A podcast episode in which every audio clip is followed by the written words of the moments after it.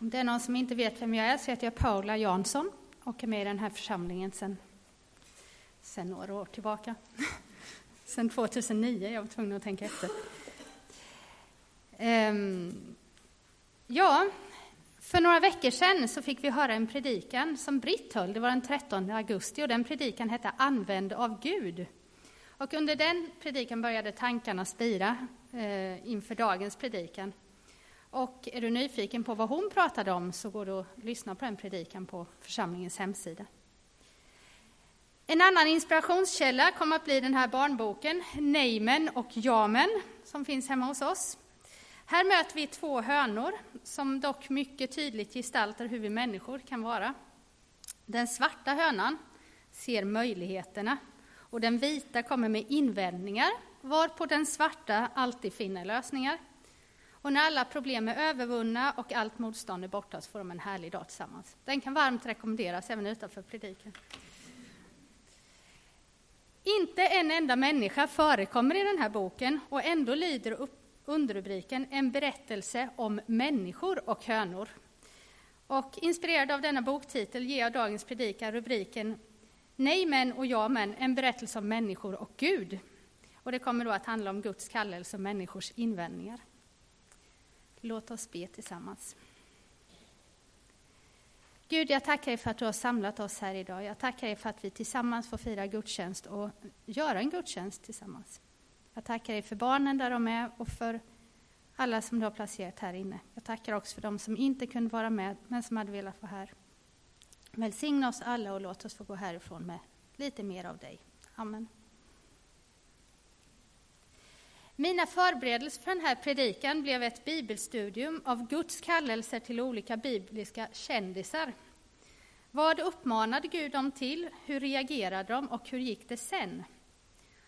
Och jag misstänker att det är fler än jag som tenderar att tänka att bibliska kända personer var en slags andliga övermänniskor som hade extra lätt att tro och följa Guds uppmaningar. Men när man tittar lite närmare så ser man hur mänskliga de är och att man kan känna igen sig. Och det är inte alls så att de alla på en gång säger ja och amen till allt som Gud uppmanar dem, utan de har många invändningar. Det som är intressant är dock att Gud för det första vill ha med dem att göra, trots att de är bräckliga och ofta motsträviga. Att Gud för det andra ger dem lösningar på de problem som de ser, och att de för det tredje därmed får vara med om häftiga saker med Gud. Och vi ska nu titta lite närmare på några bibliska personer och sen se hur vi kan tillämpa de här lärdomarna på våra egna liv. Om vi börjar med Mose, han var väl en stor gudsman ändå. Han har ju hela fem långa bibelböcker uppkallade efter sig. Han fick se och höra Gud tala genom den brinnande busken. Han var en stor ledare. Han fick förmedla de tio budorden från Gud till människorna. Han förde israeliterna fram till det utlovade landet. Men ändå om man tittar så har Mose väldigt många män. Nej, men ja, men Gud ger honom ett stort uppdrag. Han ska föra det israeliska folket ut ur Egyptens träldom och till det förlovade landet.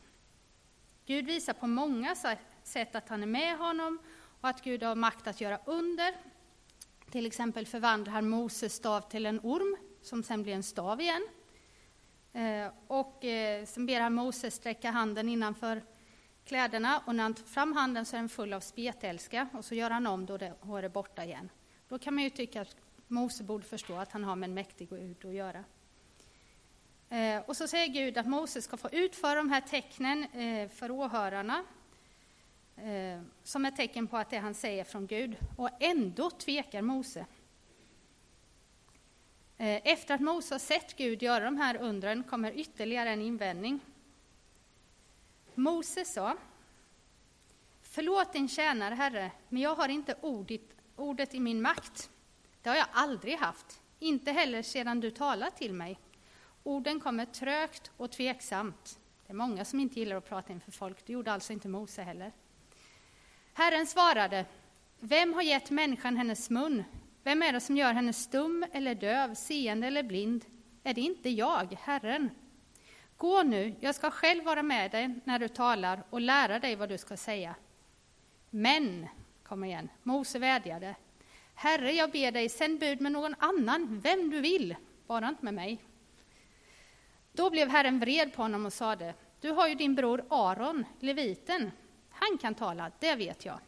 En levit var ju en slags präst, då kan man tänka sig att de hade lite mer vana kanske att prata inför folk. Han är redan på väg för att möta dig och han blir glad att få se dig. Tala med honom och lägg orden i hans mun. Jag ska själv vara med både dig och honom när ni talar och visa er vad ni ska göra. Han ska tala till folk för din räkning, så blir han din mun och du blir hans Gud. Och staven ska du ha i handen, det är med den du ska utföra tecknen. Mose är tveksam och ängslig, men han frågar Gud om hjälp. Vad ska jag göra om det här händer? Men jag kan inte. Varpå Gud sänder honom hjälp, eller ser till att han får den hjälp han behöver. Och då tänker jag en lärdom vi kan dra av det är att vi kan fråga Gud om råd, be honom om hjälp med det som han uppmanar oss att göra, så kommer han att hjälpa oss. Mose han trodde inte på sin förmåga. Jona däremot, om vi tittar på honom, han ville inte. Om vi läser inledningen av Jona bok. Herrens ord kom till Jona, Amitajs son. Bege dig till Nineve, den stora staden, och håll en straffpredikan. Jag har fått ögonen på ondskan där. Och Jona gav sig iväg, men inte för att, men för att fly till Tarsis, bort från Herren. Han vandrade ner till Jafo och fann där ett skepp som skulle till Tarsis. Han betalade för resan och gick ombord för att följa med till Tarsis, bort från Herren. Intressant är ur våra perspektiv att han inte bara säger ”jag vill inte” utan, och sen stannar där han är.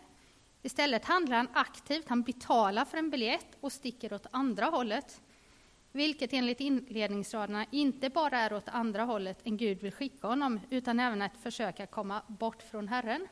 Som om Gud bara befanns på en geografisk plats. Nu sticker jag någon annanstans dit Gud inte är. Vad gör då Gud? Ja, först skickar han en storm som inte bara resulterar i att Jona hamnar i vattnet, utan även att sjömännen grips av stark fruktan för Herren och offrar åt honom och ger löften. Alltså, de lär känna Gud i detta. När Jona hamnar i vattnet så förbarmar sig Gud över honom, som vi vet, och låter en val sluka honom hel och så småningom transportera honom till land. Under tiden i fiskmagen så har Jona tid att tänka en del. Tänk er själva, tre dagar i en fiskmager, och hinner man tänka några tankar. Sen får Jona en ny uppmaning. För andra gången kom Herrens ord till Jona. Bege dig till Nineve, den stora staden, och förkunna vad jag befaller. Och Jona gav sig iväg till Nineve, Nineve så som Herren hade sagt. Nu lyder han Guds uppmaning. Sen håller Jona den straffpredikan som Gud har bett honom att hålla, och människorna vänder om. Då borde ju Jona bli nöjd och glad och känna att ah, jag fick vara med och göra skillnad. Istället blir han missnöjd. Det är ju lite märkligt. Och eh, i vredesmod bad han till Herren. Herre, var det inte det jag trodde redan där hemma? Det var därför jag ville fly till Tarsis första gången. Jag visste ju att du är nådig och barmhärtig Gud, sen till vrede och rik på kärlek, beredd, beredd att ångra det onda du hotat med. Så ta mitt liv, Herre, det är bättre för mig att dö än att leva. Herren sa, har du skäl att vara vred? Varför flydde Jona från början? Jo, han tänkte att Gud klarade sig på egen hand. Och visst gör Gud det, men ändå vill han använda oss som redskap och det är ju fantastiskt. Sen uttrycker Jona det, du tvingade hit mig, men den insats du tvingade till eller sa till mig att göra var helt meningslöst. De vänder ju ändå om och så tappar han lusten. Det är ganska intressant. Och det, det kan ju naturligtvis finnas många anledningar till att man inte vill eller inte har lust. Man kanske är trött eller man kanske är intresserad av att göra något annat. och Man kanske inte ser meningen i det hela. Och då får vi be Gud om lust och Guds längtan och till detta kan vi återkomma. I dagens samhälle eh, så är det ju väldigt vanligt att man känner att jag har inte tid eller jag har inte ork. Men det är ju inte nytt för dagens samhälle, utan det har naturligtvis varit så i alla tider. Jag vet att jag i någon tidigare predikan berättade om följande berättelse, men jag tycker den är intressant.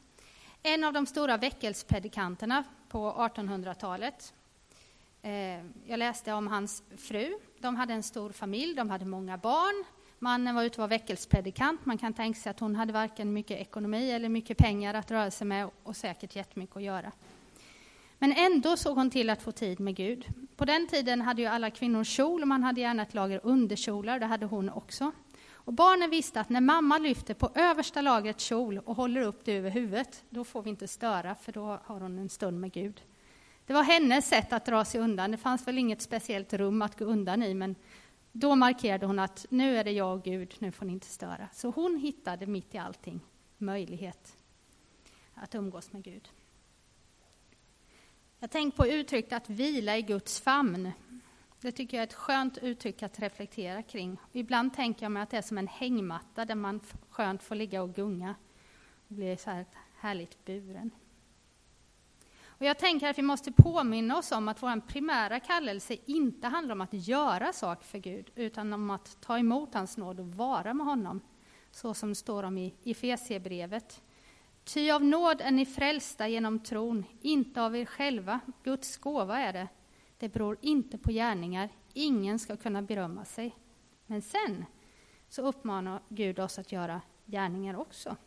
Vi är hans verk, skapade genom Jesus Kristus till att göra de goda gärningar som Gud från början har bestämt oss till. Guds, Guds umgänget ska alltså inte vara något som tömmer oss på kraft, utan något som fyller på. Där står också senare i Efesierbrevet, hämta nu styrka hos Herren av hans oerhörda kraft. Vi kan även påminna oss om orden som står i Jesaja, om att Herren ger styrkan åter. Jakob, hur kan du tala så? Israel, hur kan du säga, jag vandrar osedd av Herren, min Gud tar sig inte an min sak. Har du inte förstått, inte hört? Herren är en evig Gud, han har skapat hela jorden. Han blir inte trött, han mattas inte. Ingen pejlar djupet av hans vishet. Han ger den trötte kraft, den svage får ny styrka. Unga män kan bli trötta och mattas, ynglingar snava och falla. Men de som litar till Herren får ny kraft, de får vingar som örnar. När tröttheten blir för stor eller när man känner sig långt borta från Gud och själv har svårt att be och läsa Bibeln så kan man ju ta hjälp av andra. Man kan söka sig till sammanhang där man får be tillsammans med någon. Man kan gå på gudstjänster eller andra samlingar. Man kan lyssna på god undervisning på nätet. Det finns jättemånga länkar att klicka på. kan man lyssna på när man står och stryker eller ligger och vilar. Man kan lyssna på radioandakten eller se tv-gudstjänsten. En vän till mig ägnade i ungdomen ett år åt att vara ute i ett skolteam hon berättade att hon skrivit en lapp och hängt upp på väggen ovanför sängen. Och där hade hon skrivit Gud älskar mig lika mycket när jag sover som jag ber. Och det tänker jag att det kan man gärna reflektera över. Det är helt sant. Vi behöver inte prestera något. Gud älskar oss ändå. Precis som en förälder älskar sina barn oavsett om de gör något eller inte.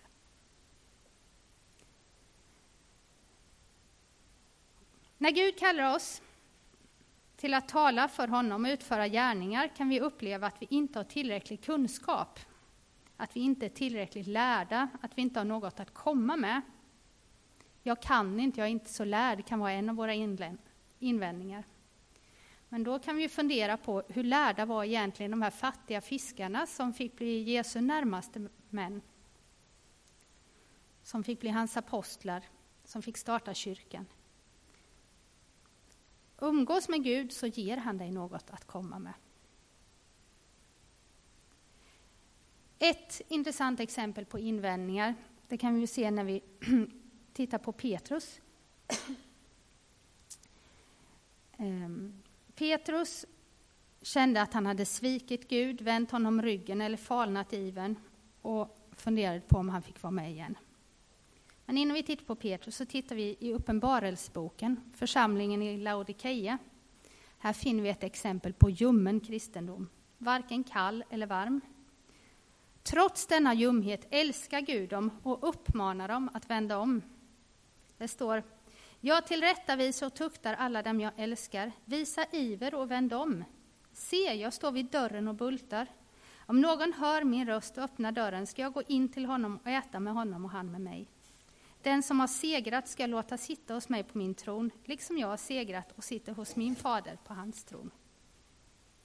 Observera här att det är Gud som står vid dörren och bultar, inte tvärtom. Han bultar för att åt bli insläppt hos människorna. Petrus och hans bror Andreas var de första lärjungar som Jesus kallade enligt Matteus evangeliet. De fick vandra med honom under en tid som han undervisade här på jorden, någonstans mellan ett och tre år, tror man.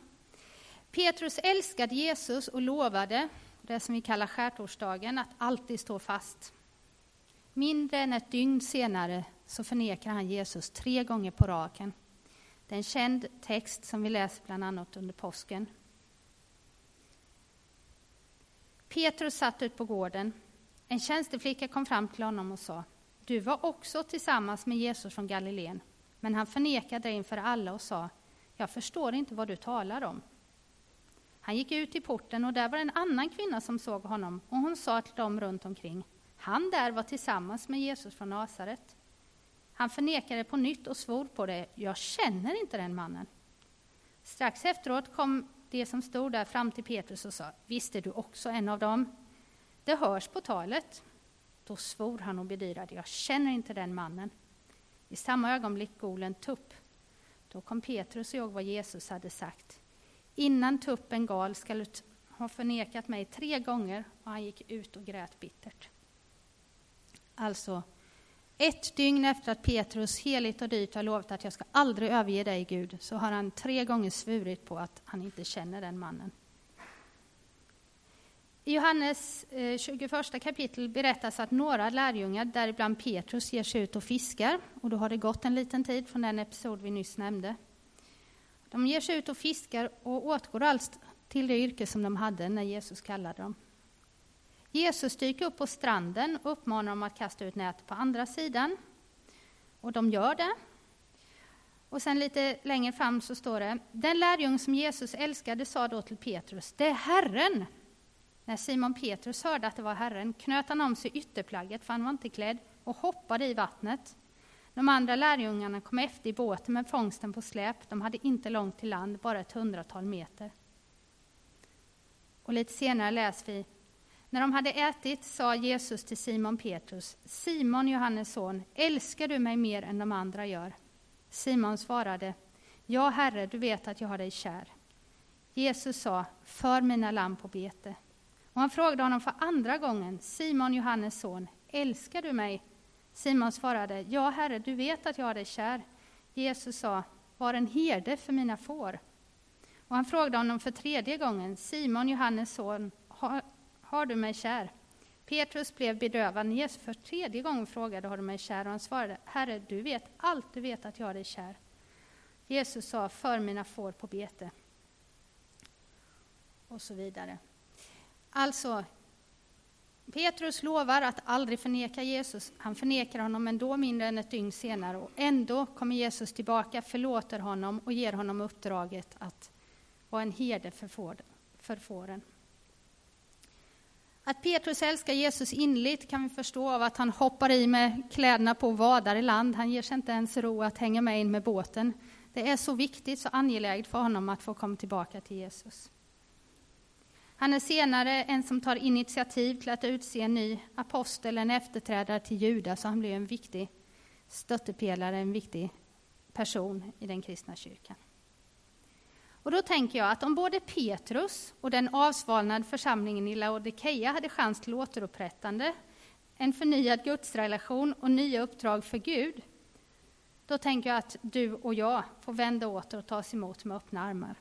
Och om man fortfarande tvekar på det, så kan man läsa om den förlorade sonen.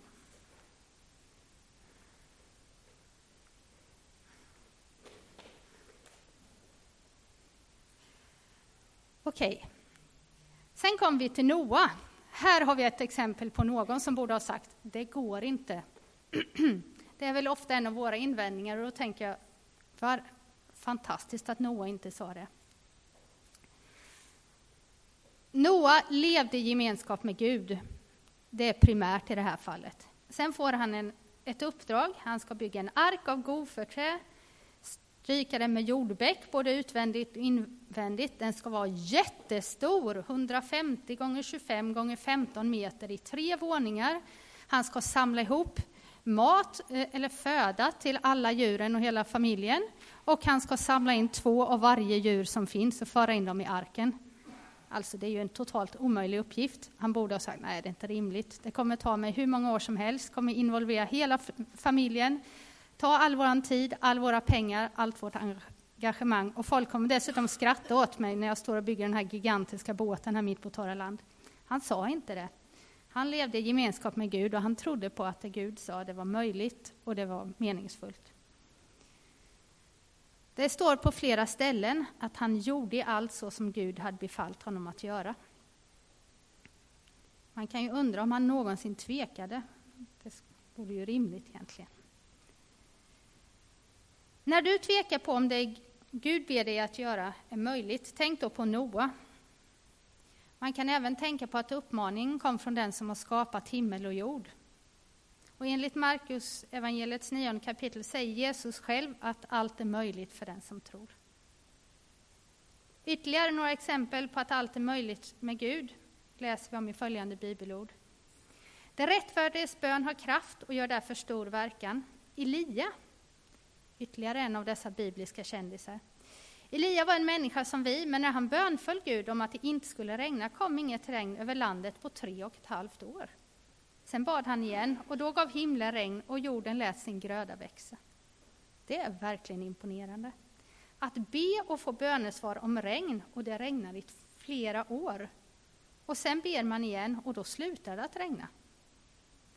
Vi kan fascineras av Elias böneförmåga, men vi ska påminna oss om att det som stod i början av det nyss lästa bibelordet, Elias var en människa som vi. Det är Gud som gör, men vi behöver be. Jag ska ta ett sista exempel på en invändning. och Det kom från Sara, Gamla testamentet, Abrahams hustru, som tyckte att hon var för gammal.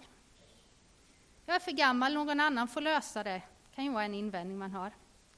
Sara överlät på sin yngre tjänstekvinna att få barn med Abraham, men Gud hade planerat att använda Sara själv, trots hennes ålder.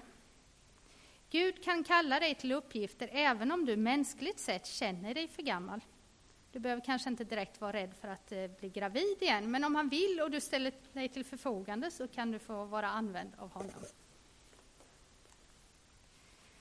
Om vi kommer till någon slags sammanfattning och slutkläm på detta, så har vi ju tittat på eh, flera exempel på invändningar som vi människor kan komma med när Gud kallar oss. Och det går att hitta fler exempel i Bibeln. Vi kan känna igen oss, för när Gud har kallat oss har även många av oss upprepade gånger kommit med undanflykter, typ men jag kan inte, jag vill inte, jag har inte tid eller orkar inte. Jag har svikit Gud, falnat i min iver, mig vill han inte ha att göra med igen. Det går inte, eller jag är för gammal. Gud kallar oss främst till att vara tillsammans med honom, att leva nära Gud av hans kraft, kärlek, ledning, inspiration. Gud kallar oss även till att utföra gärningar med och för honom. Till vad utmanar och kallar Gud dig? Kanske är den första uppmaningen att åter närma dig honom för att höra hans röst och uppleva hans närhet. Under en rask promenad nyligen kom en lovsång från mina övre ton, min övre tonårstid eh, upp i mitt huvud. Eh, och texten i den är Jag sjunger ut mitt lov till dig, du kungars kung, jag älskar dig, för bara du regerar över mig. Jag vill bara tjäna dig, dig och ingen annan. Du betyder allt för mig. Din kärlek är oändlig. Fram till dig jag nu kommer med min sång. Och den här, när den dök upp i mitt huvud, påminner mig om några år av fantastiska gudsupplevelser och en härlig närhet till Gud. Um, även om det inte var helt oproblematiskt den tiden. Och nästan dagliga samtal med icke-troende om Gud. Jag längtar tillbaka, inte till att åter bli 18-19 år, utan till den innerlighet som jag då upplevde i gudsrelationen. Och Fredrik Lindé pratade förra söndagen om att han tyckte det var tragiskt när folk pratade om att den bästa tiden i livet var året på bibelskolan när jag var ung. Och det håller jag helt med om. Gud vill och kan möta oss igen och igen genom livet. Han är densamma även om vi förändras. Och han vill fortsätta att utmana och använda oss. Vad är ditt men? Istället för att låta bli, så be om den hjälp du behöver. Be Gud om hjälp med det. Det står ju i Bibeln att Gud är trofast och ska inte låta er prövas över förmåga. När han sänder prövningen visar han er också en utväg så att ni kommer igenom den. Gud ger uppdrag och utmaning och då ska han även ge kraften. Vad skulle hända om du kom förbi ditt ja men? Vilka upplevelser med Gud skulle du få vara med om? Brokyrkans vision lyder ju vi vill se fler människor beröras av Jesus, växa till och bli mer lika honom. Och här behöver vi samverka, för Gud behöver många verktyg av olika slag i olika sammanhang. Avslutningsvis, Lena Abrahamsson pratade nyligen om helgelse och sa ungefär Vill vi hålla oss så långt ifrån Jesus som möjligt och tänja på gränserna, eller lever vi för att leva och komma nära Jesus? Vi kan leva vårt liv i utkanten av Guds sfär. Vi kan undvika att lyssna på honom och hans uppmaningar. Dock missar vi då mycket, både för egen del och i möjligheten att nå andra med evangeliet. Ett alternativ är att be Gud om hjälp att övervinna de hinder som vi ser, att leva i Guds närhet och att få uppleva välsignelsen som det innebär. Låt oss be. Tack Gud för att vi får umgås med dig. Tack för att du kallar oss dina barn. Tack för att, precis som barn här på jorden får vara med sina föräldrar och vara älskade av sina föräldrar och komma tillbaka till sina föräldrar, så är det med dig, Herre. Du älskar oss innerligt och vill ha med oss att göra. Jag ber att vi ska få närma oss dig allt mer. Att vi ska få se möjligheterna med dig. Att du ska ge oss uppmaningar, utmaningar och hjälpa oss att övervinna dem. Jag ber att vi tillsammans ska få se människor komma till tro och se vad du kan göra i och genom oss. I Jesu namn. Amen.